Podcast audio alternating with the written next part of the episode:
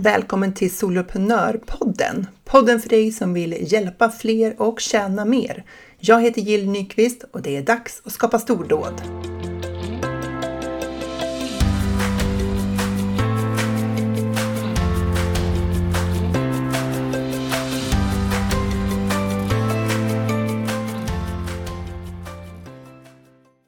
Idag har jag med mig Monica Sjödin som är expert på pension. Vi kommer att prata om hur du kan använda ditt företag och det kapitalet för att göra en bra övergång till pensionslivet. Eller till och med skapa en livslång pengamaskin i företaget.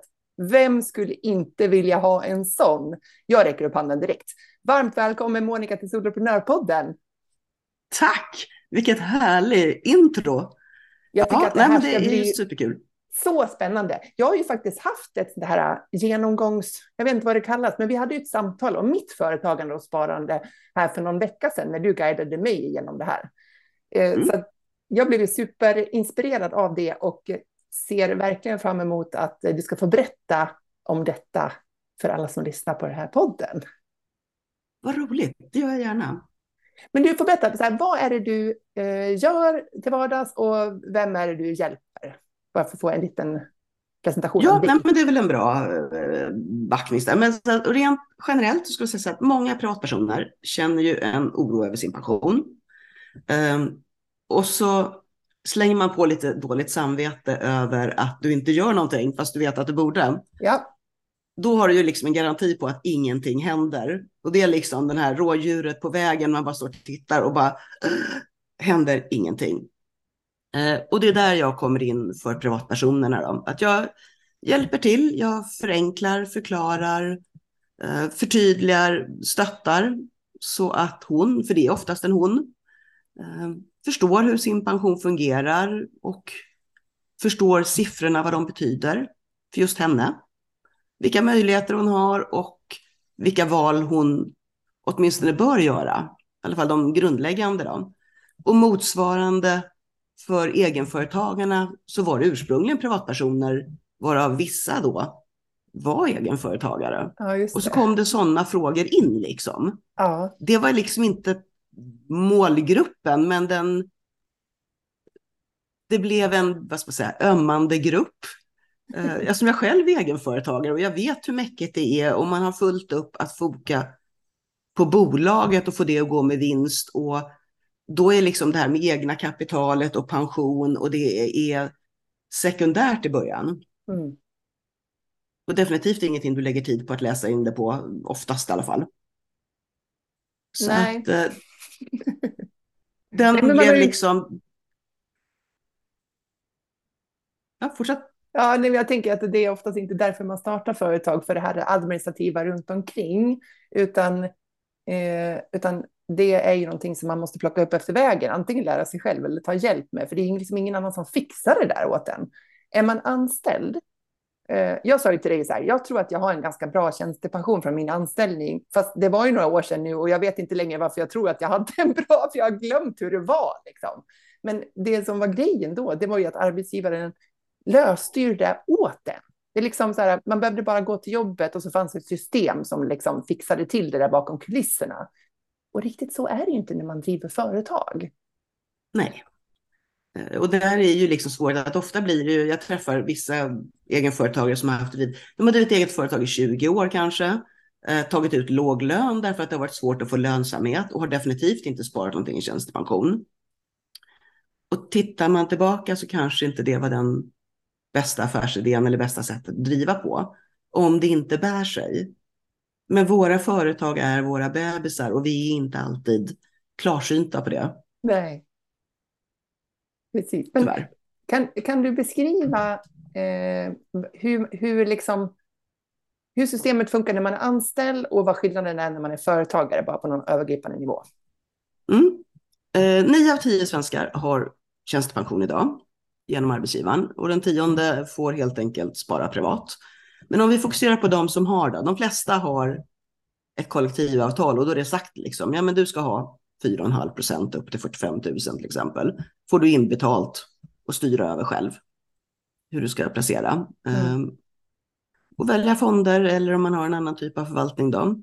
Medan som själv, då är det ju upp till dig att bestämma när du vill gå i pension och hur mycket du vill ha och hur, var de pengarna ska komma ifrån. Och det behöver ju inte vara en tjänstepension. Det kan lika gärna vara att du har tagit ut en bra lön och sparat privat eller att du har tagit ut utdelning och sparar den. Utan här gäller det för dig att hitta en vettig nivå. Liksom. Nackdelen med tjänstepensionen är ju att den är du inlåst i till 55 år.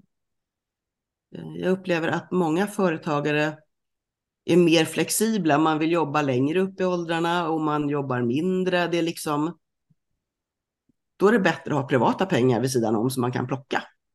Eller pengar i företaget. Just som man kan styra lite mer av själv. Ja.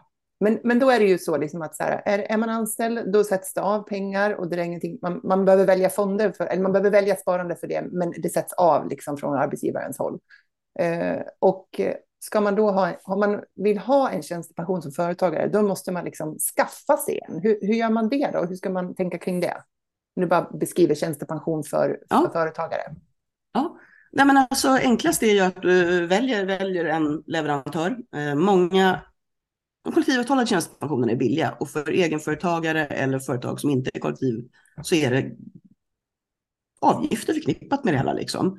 Så då är det bättre att välja ett bolag som inte har så mycket avgifter. De två största är ju Avanza eller Nordnet. Och då kan du teckna via nätet. För alla dina anställda eller bara för dig själv. Liksom.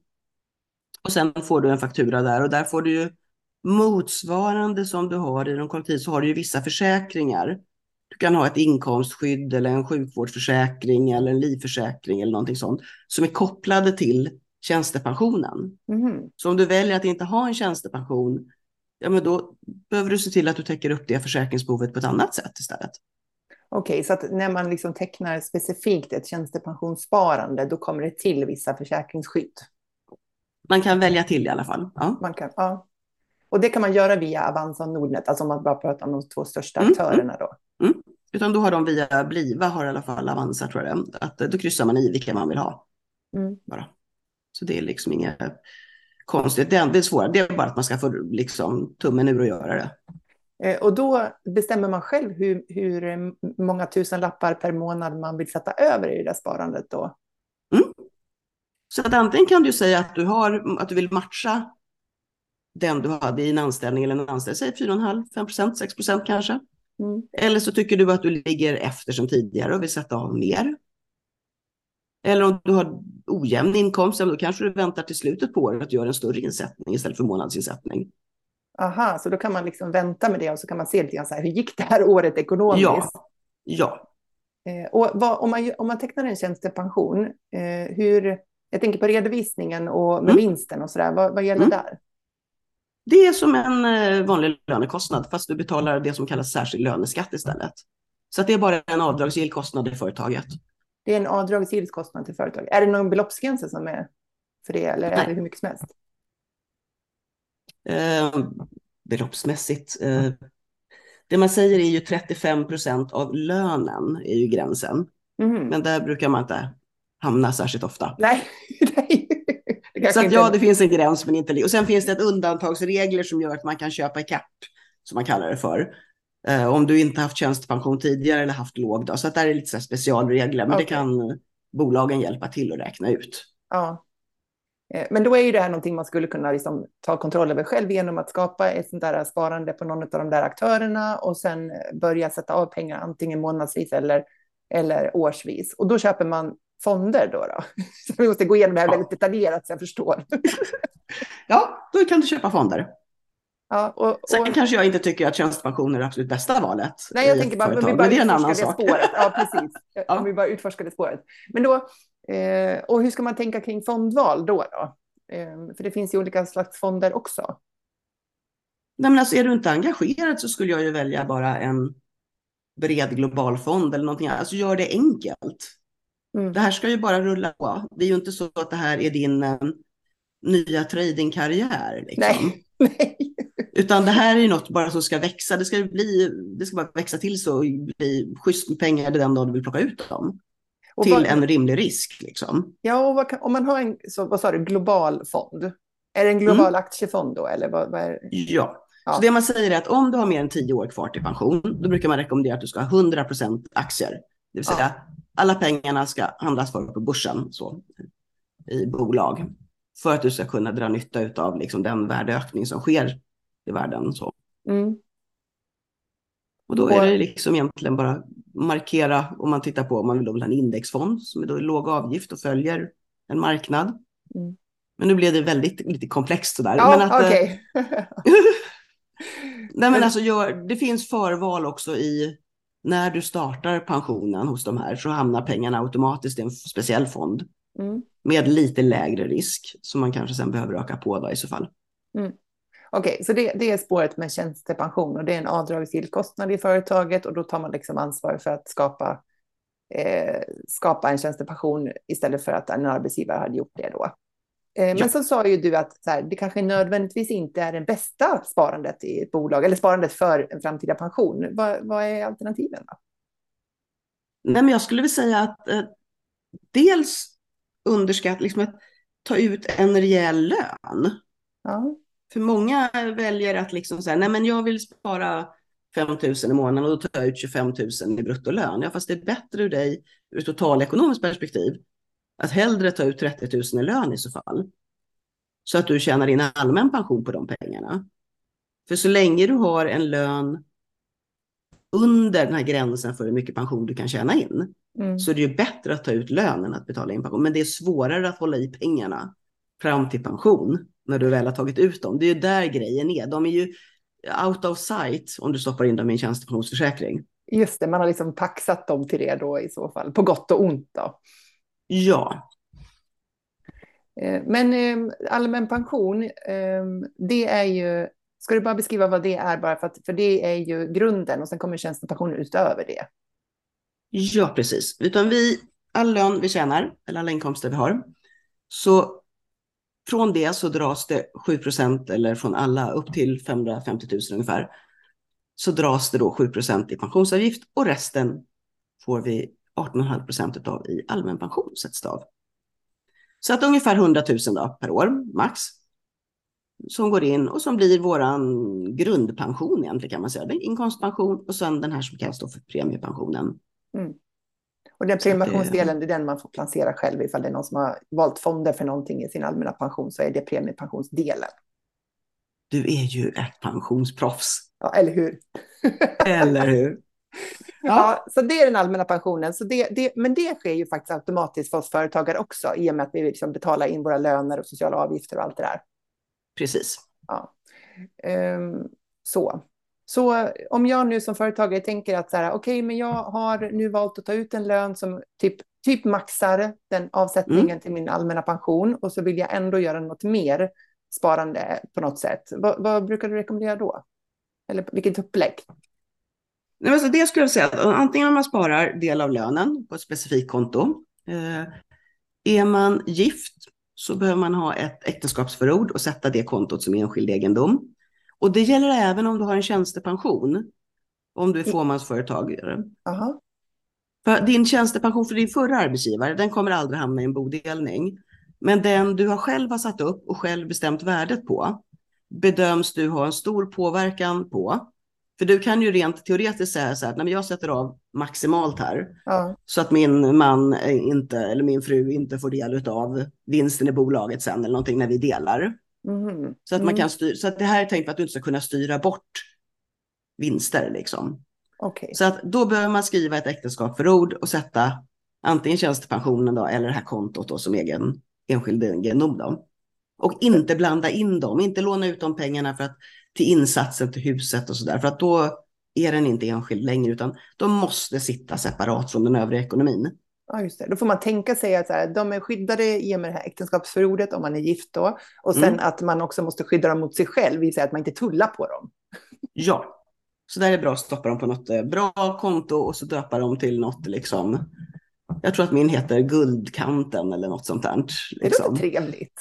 Ja, eh, nej men alltså bortsett från att spara delar av lönen så har du ju ett utdelningsutrymme i bolaget som jag tycker man kan ta, dra nytta av. Ja, just det. Om, Om man har aktiebolag kan man ta- kan man ta Ja. en utdelning. Mm. Ja. Har du enskild firma, ja men då kan du göra avdrag för pensionsinsättning privat i deklarationen istället. Mm. Mm. Så att den, eh, den möjligheten finns också. Mm. Ja, och hur kommer man från detta till att skapa den här livslånga pengamaskinen då, undrar man ju då. Ja, nej men alltså i en enskild firma är det ju svårt att skapa ett kapital i bolaget eftersom du skattar ut det varje år. Ja. Sen kan du ha lite periodiseringsfonder och annat som gör att du kan liksom behålla lite till. Jag menar, stora möjligheten det är ju om du har ett aktiebolag i det här Ja. fallet Mm. och kan spara ditt kapital i bolaget och få det att växa. Eh, och det är ju så som jag har gjort och många andra, att man liksom låter pengarna ligga. Du tar ut din lön, du tar ut din utdelning och pengar som blir kvar får ligga kvar och växa till sig helt enkelt. Så man tar ut lönen, man tar ut eventuell utdelning och så pengarna som blir kvar ska växa till sig. Hur går det till då? Vad är det man behöver göra då? Enklast är ju att du, du behöver ha något form av konto. Alltså Ja. att pengarna på ett bankkonto gör ju ingen lycklig. Det Nej. bara minskar värde. Ja, Så, så första grejen är väl där skulle jag säga att ha ett sparkonto med ränta för dina pengar. Att likväl som dina privata pengar alltid ska jobba så ska ju ditt företags pengar alltid jobba för dig. ja. Och vitsen när, i det långa loppet, då vill man ju att bara företagets pengar jobbar för en och inte att man själv jobbar alls. är ju är det då vi börjar närma oss pengamaskinen liksom? Det är då vi närmar oss pengamaskinen. Nej men alltså jag skulle säga liksom att de pengar du inte använder dagligen som du har på transaktionskontot eller dina momspengar, sätt dem på ett sparkonto med ränta. Det, Så får du åtminstone, nu, ja, för jag tänker det är inte givet att det kontot, vi tittade ju på, på mina, mitt transaktionskonto, det var ju 0 Ja. ränta på det liksom. ja, jag tror att marginalen bank tror jag är den enda som har ränta, jag tror att de har 0,4 på sitt transaktionskonto, men i övrigt alla andra banker har ju noll liksom. Och vad kan man liksom, vad ska man vända sig med de pengarna? Om man säger att man har ganska mycket pengar på sitt transaktionskonto på företaget och så vill man liksom sätta dem på något sparkonto som har mer. Vad, vad, hur, hur går man tillväga då? Eller vad rekommenderar du där? Ja, men gör en jämförelse lite på vilka konton som har. Det finns lite jämförelsesajter. Jag har Pensionsguidens hemsida också en inte helt dagsfärsk, men det, för det här är som med boräntor, de ändras ju hela tiden. Ja, mm, Men nu kan du få ungefär 2 procent 2 på sparkonton för företag Ja, eh, i ränta. Då. Och sen är det ju egentligen öppna ett konto där du vill ha och beroende på hur, om du behöver ha tillgång till pengarna eller inte så kan du låsa dem eller ha öppet. Nu tror jag ju att räntorna kommer fortsätta sticka iväg. Ja, men vi hade ju inte bankräntor på 2% för några månader sedan. Liksom. Så jag tror att de kommer höjas. Så jag tror att det är dumt att binda en sparränta just nu. ja, så då är det bättre att ha någon form av rörlig ränta, alltså Ja. ett konto med rörlig ränta om man ska liksom flytta över en, en stor bit av transaktionskontot in på någonting som Ja. genererar lite avkastning. Ja, precis. Mm. Så att du liksom åtminstone får lite. Det är ju, skulle jag vilja säga, liksom i första steget. Och andra steget är ju faktiskt att börja investera pengarna. Mm. Utan ja, men jag tittar ju på hos mig till exempel att ja, men jag drar in pengar och sen vill jag att mina pengar drar in pengar. Vi är ett team liksom. Mina pengar drar in pengar. Ja, men jag tycker också att det låter som en jättebra tanke. Eh, och hur, hur gör man då? då? Nej, men alltså, en, antingen kan du göra, ja men det är precis samma som vi har privatpersoner, att antingen kan man ha sådana gammaldags konto där man skattar för vinsten på det man investerar. Eller om man nu ska vara på börsen då. Eller Ja. så kan du ha en, som privatperson har du ju oftast en ISK. Ja, Och är du företagare så har du istället en kapitalförsäkring. en kapitalförsäkring. Ja, Ja, samma skattesats som på ISK. Så att där kan du stoppa in ditt skattade kapital. Du kan stoppa in, stoppa in pengar som du har tillfälligtvis. Eh, Men framförallt så är det ju vinsten som du har sedan tidigare år. Som då får jobba vidare där, precis så som du hade gjort när du investerade i fonder i din tjänstepension eller premiepension. Eller kanske ditt privata sparande. så, Så att fördelen här, det är ju att de pengarna är skatte, de är redan skattade. För du stoppar in skattade pengar och du betalar en schablonskatt. Så att all vinst du får ut där Mm. är fri från bolagsskatt. Det gillar vi. Ja, för då, jag måste ta det lite långsamt där. För då är det så här, jag gör en vinst i mitt bolag. En del av den Mm. tar jag utdelning för. Och då kommer den in i min, min privatekonomi. Mm. ja, och sen en del av vinsten blir kvar i bolaget och den ser jag typ på balansräkningen. Mm. Ja, och en del av de pengarna kan jag stoppa in i en kapitalförsäkring och låta dem fortsätta generera avkastning. Pengarna ger Ja. mera pengar. Ja. Och när du då har kommit upp i tillräckligt stort belopp, så här, då kommer ju de att täcka din utdelning varje år.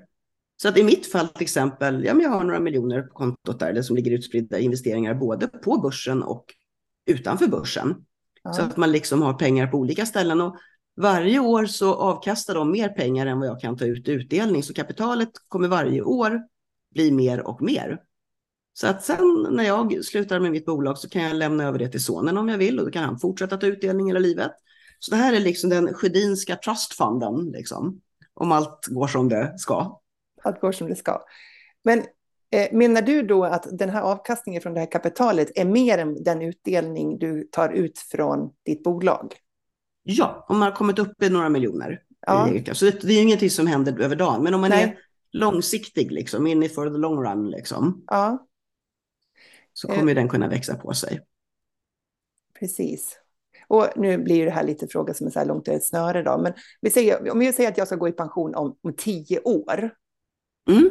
eh, har jag, skulle jag kunna skapa en sån pengamaskin under den tiden om jag börjar liksom jobba aktivt med det här nu eller åtminstone ta några steg i den riktningen? Jo, men det tror jag, alltså det beror helt på vilka vinstmarginaler du har, hur mycket pengar du gör i firman. Vissa har ju Ja. tajt. Ja, Och så liksom, ja, men du gör 30 000 i vinst efter när du har tagit ut din lilla snåla lön, ja men då är det ju svårt. ja, Jag som till exempel kommer från konsultbranschen där jag har en bra timdebitering och inte har någon lokalhyra, ja men jag har ju en helt annan vinst. ja, jo naturligtvis. Så att jag har ju en Ja. möjlighet att, liksom att generera pengar på ganska kort sikt. Precis, för jag tänker att många som lyssnar på den här podden är ju ändå, tror jag, tjänsteföretagare, så där har man Mm. kanske inte så höga omkostnader. Men det betyder inte automatiskt Nej. att man har höga intäkter för det, men man har åtminstone inte så höga kostnader på det, de intäkter Nej. man genererar. Men om man har en, en hyfsat bra snurr på bolaget och, och gör eh, bra med vinst och kan ta ut utdelning och så, då är det inte omöjligt att ha byggt upp någon form av kapital på tio år som, eh, som ändå gör skillnad för... Ja, ja, ja. Det tycker jag definitivt. Jag menar, jag har ju nu att jag menar, den här utdelningen jag tar ut varje år, den beskattas ju då med 20 procent kapitalskatt, på, Mm. som det är sån här lågbeskattad utdelning. Så det blir 12 000 netto i månaden extra för mig att leva på. Och för många är ju liksom en fattigpensionär så är det hela pensionen egentligen. Ja, ja men 12 000 extra är ju Ja. jättemycket, för då, menar, då har du ju ändå eh, som de andra pensionsdelarna som du får ut från ändå. Då. Ja. Så att Om- vill man då så kan man ju då se att jag ser ju min utdelning som en pensionsförsäkring istället. Och där du då kan liksom smeta ut den. Och ja, men har du inte ett jättekapital, ja men då kanske det är fem års utdelning eller tio års utdelning. Ja, Eller du tar tio år till en lite mindre summa, du får ut 5 000 i månaden kanske. Ja. Ja, det, Det är ju otroligt flexibelt att vara egenföretagare. Ja, och det är ju både en, en eh, välsignelse och en förbannelse. Japp, för, lätt hänt att det blir en förbannelse om man liksom låter sig paralyseras av det och ser det som ett hinder istället för som den otroliga möjlighet det är. Ja, kan du inte beskriva lite grann hur, hur det fungerar när man har eh, tagit, liksom kommit upp i pensionsålder och företagandet? Mm. Mm. Nej, men alltså, dels har du ju fördelen att, som är både för privatpersoner och företag, det är ju det att du har lägre skatt på arbetsinkomster när, från året du fyller 66. Från året du fyller 66, då är det lägre skatt. Ja, Ja, just nu. Sen kan ju den ändras som ja, allt ja annat. det. Nej, men alltså att du har, eh, vi har ju ett jobbskatteavdrag. På jobbinkomster så får vi ett extra avdrag jämfört med om du tar pension eller går på bidrag eller någonting. Mm. Och när från året du fyller 40, eller 66 så har du ett förhöjt jobbskatteavdrag. Mm. Så säg att du tjänar 100 000 om året, det vill säga du har en liten, liten lön varje månad som du tar från företaget. Mm. Är du under 66, då får du ett avdrag på 10 000 och så betalar du skatt på 90. Mm. Men är du över 66, då får du ett avdrag på 20. Så då betalar du skatt bara på 80. Mhm. Så att du kommer få ut mera cash för samma lönesumma. Och dessutom så är det billigare för arbetsgivaren. För då har man inte de övriga sociala avgifterna. Idag är de på ungefär strax över 31 procent. Mm. Men från året du fyller 66 så är det bara 10,21. Det är bara pensionsavgiften. För arbetsgivaren som då är jag själv. Ja, Ja, like så att it. du har liksom en win på båda. Du, alltså, det blir billigare för bolaget och du som privatperson får ut mer pengar. Ja. Så det är win-win. Så att antingen kan du liksom plocka ut då lön, kanske under, alltså bara för att du tar ut lön betyder inte att du jobbar. Det finns ju inget sådant krav egentligen. Det är bara att du ska ha liksom tillräckligt med mycket medel eller kapital i bolaget för att kunna plocka Ja. ut lön. Ja, och oskattat kapital helst. För att det ska vara lönsamt. Du ska inte ha betalat Mm. bolagsskatt på det innan. Nej. Ja, Så att, eh, nej men den är liksom att, så där har du ju, att ta ut lite lön när du är pensionär, är ju dels att det är smidigt att kunna alternera med den pension du tar ut. mm. Om inte den räcker till eller du tar lite extra knäck och framförallt många egenföretagare jobbar ju längre upp i åldrarna. Mm. Och Du kan göra ditt, du får din julklapp och du får ditt friskvårdsbidrag och dina utlägg och mobiltelefonen betald och julbordet och allt vad det är liksom. Det är kanonbra.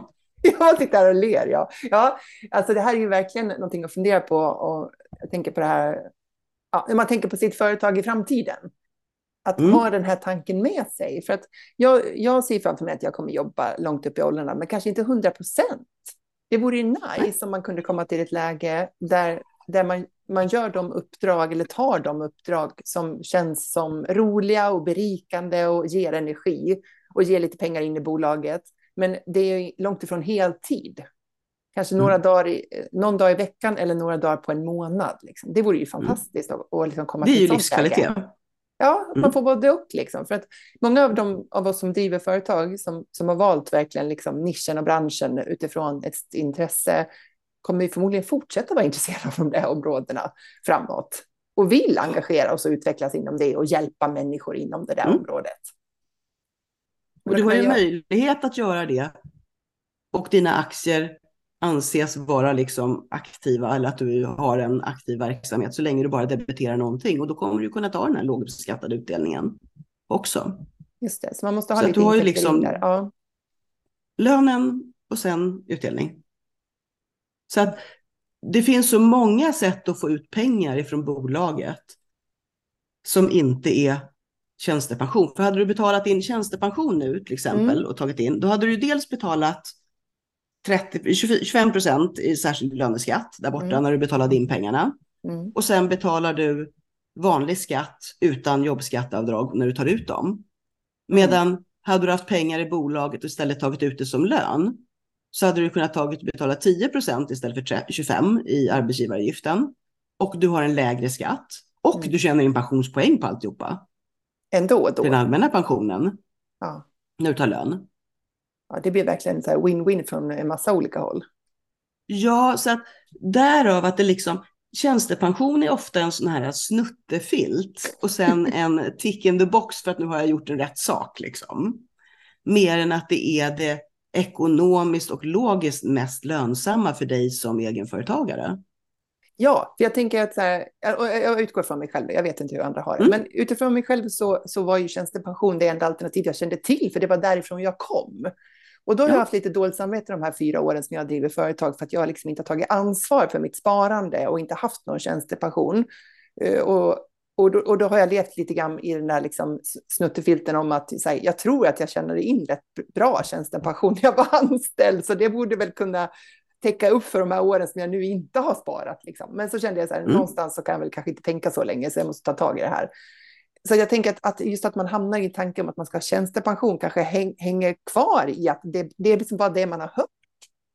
Jo, men du är ju, alltså vi svenskar är ju sjukt fostrade i, framförallt de sista fem, tio åren i att du måste spara privat, du måste ha tjänstepension och jag kan ju tycka att du måste ha tjänstepension som anställd är helt rätt. Eh, Men som egenföretagare är det, alltså, du behöver säkerställa att du har en vettig pension, period egentligen. Ja, Eller ett exakt. Var den pensionskapital kapital att leva på. Ja. Mm. Och sen tänker jag, får man väl känna sig själv lite grann, hur, för att en del, ehm, eh, det beror ju på hur, hur lätt man har att börja ta av pengar som är tillgängliga för en när man blir sugen på olika saker. Ja. Eh, så det är väl den aspekten man får fundera över. Då, liksom, hur kan, om jag har det här sparandet som är väldigt flexibelt och fritt och jag i princip kan ta ut pengar när jag vill, kommer jag ändå att låta det faktiskt vara ett sparande för min framtid eller kommer jag liksom pulla av det då? Mm. Nej, men den är ju viktig att man liksom inte gör det. Samtidigt så ska man också säga att om jag har en firma och sen kom det corona eller det kom någonting annat och jag har betalat in tjänstepension till mig själv i tio år, de pengar kommer jag inte åt. Nej. Men hade jag gjort ett privat sparande här eller haft byggt upp ett kapital i bolaget, ja men då kan jag överleva de här åren. Just det. För att jag kan göra ett eget tillskott eller använda företagets pengar. Mm. De som är betalda ut i en tjänstepension, de är ju låsta till 55. Mm. Ja, men det är en viktig aspekt, för man vet inte, alltså ingen kunde väl föreställa sig att det skulle komma en sån pandemi som covid var, eller ja, delvis är, men, men som, så som det hände de två åren, det, det var väl ingen som såg det komma. Att det skulle Nej. påverka företagarlivet för så många i den utsträckning vi gjorde. Eh, men vad skulle du säga då eh, till de som nu lyssnar på det här och kände att så här, mm, det här låter lite intressant. Vad, vad, skulle du säga är deras första, eh, eh första steg för att känna att man kommer igång? Åh, oh, gud, det finns ju massor. Nej, men, eh, för det första är väl liksom bara se det som en möjlighet och agera på den känsla du har nu. Inte säga, men det här borde jag ta tag i, jag skriver upp det på min to-do-lista. För då kommer det definitivt inte hända. Utan det handlar inte om att du behöver eh, gå en kurs och bli liksom 10 poängs kurs på högskolan och bli pensionsexpert, utan du behöver ju ta ägarskap över din, din företag, ditt företags ekonomi och din privata ekonomi, för de hänger trots allt ihop. Mm, de gör ju det. Att har du som du, ja, som du har en bra tjänstepension sedan tidigare, nej, men då är det ju inte lika viktigt kanske att säkra upp den pensionsbiten, men du vill ju fortfarande kunna säkra upp så att det blir liksom nice. Eh, ja. Och att ja, gå en kurs eller liksom läs på. Ja, men jag har en hel del blogginlägg där jag skriver om det här. Och jag håller kurser för egenföretagare och jag coachar egenföretagare där man tittar igenom, ja, men så som vi gjorde. Mm. Hur ser det ut för dig? Vad behöver du? Hur ser din familjesituation ut? Ehm, men men det enklaste skulle jag säga till att börja med, se till att egna kapitalet jobbar, sparkontot. Ehm, öppna en kapitalförsäkring kanske, eller något annan investeringsform. Och spara ditt överskottskapital och sen titta på hur kommer ditt pensionsliv se ut? När vill du gå i pension? Du kanske är som jag som sa att nej, jag vill kunna sluta arbeta vid 55. Ja, men då måste ju du ha ett kapital som funkar för det. Mm. Och antingen tar du det kapitalet av dina privata pengar och dina privata tjänstepensioner. Eller så behöver ju din firma liksom chippa in lite där. Och då är det ju liksom, ja men hur ska de göra det? Hur tänker du få ut de pengarna? Och sen eh, var inte så låst i att det ska heta pension. Nej. Det är cash liksom. Ja, precis. Det är verkligen den där etiketten känns, sitter liksom hårt. Ja, men du... Och... Ja, mm. Nej, men alltså det är lätt att man låser på pension och så säger man att lön är konsumtion nu och utdelning är fun money eller motsvarande. Liksom. Ja, men det här, ja, det. Den ska vi använda till att amortera huset och sen ska vi åka på en resa. och så. Men att, kan det vara så att delar av den summan alltid är framtidskapital? Liksom? Mm. Det tog jag ju verkligen med mig från vårt samtal. För att jag har ju tagit utdelning för första gången i år. Och, mm. och då sa jag till min man så här, det här ska jag göra något roligt för mig.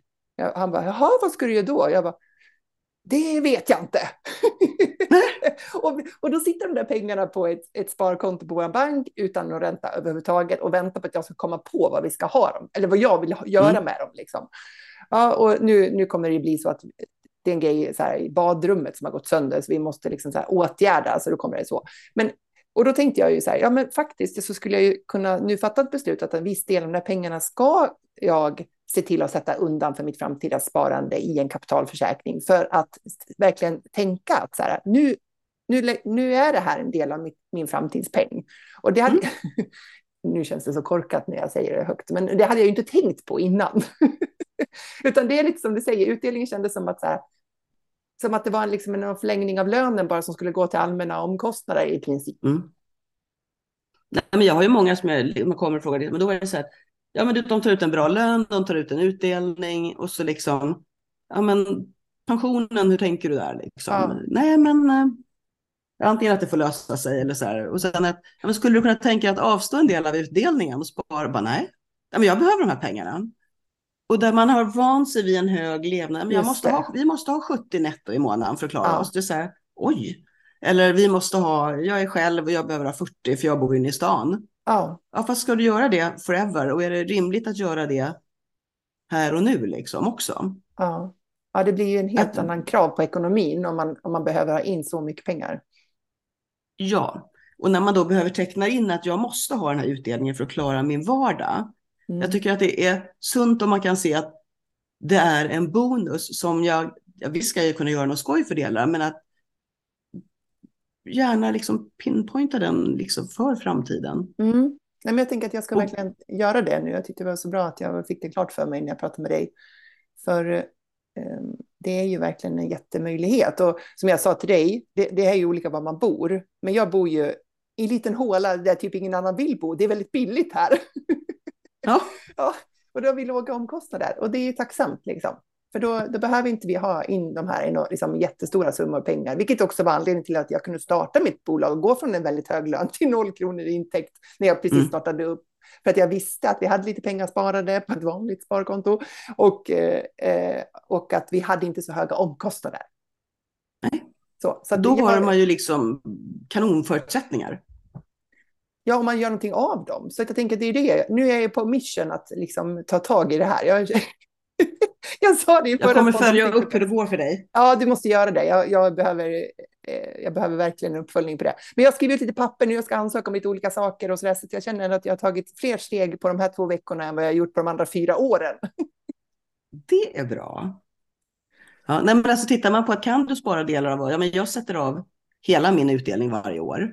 Och det blir ju liksom, det är ju mycket, mycket mer än vad jag skulle haft i tjänstepension. Och nu hade jag också som du en bra tjänstepension, så det behövs inte, men att kunna användas som ett framtida kapital att försörja mig på. Liksom. Oavsett om det är som pension eller som något annat. Liksom. Utan då finns de på ett ISK där jag kan plocka pengar när jag behöver. Ja.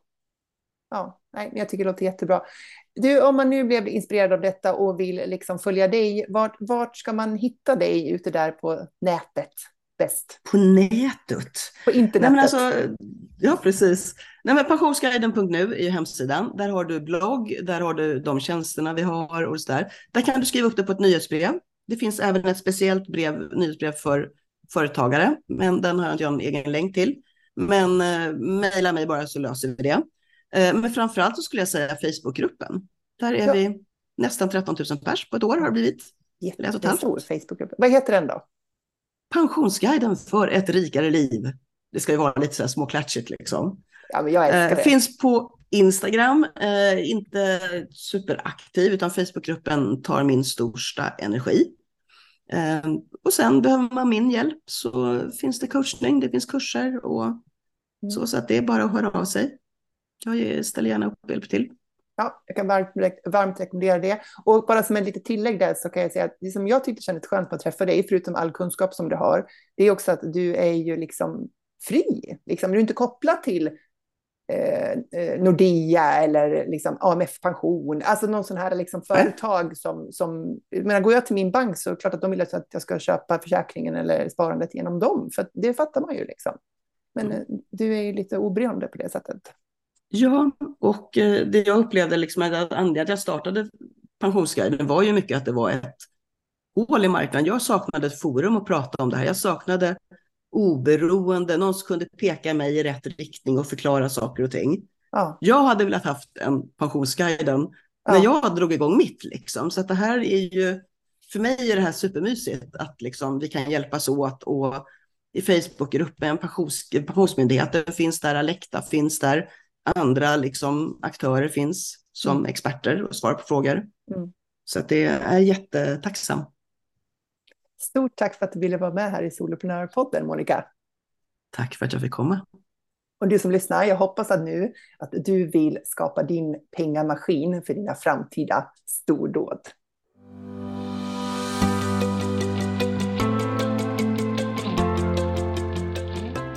Stort tack för att du lyssnar på Soloprenörpodden. Jag är så glad att ha dig här. Du får jättegärna lämna mig en review på iTunes och ratea podden, ge den fem stjärnor om du tycker att den är värd det, så hjälper du mig att sprida den till fler. Eller varför inte ta en skärmdump på det här avsnittet och tagga mig på en story på Instagram, solopreneur.nu.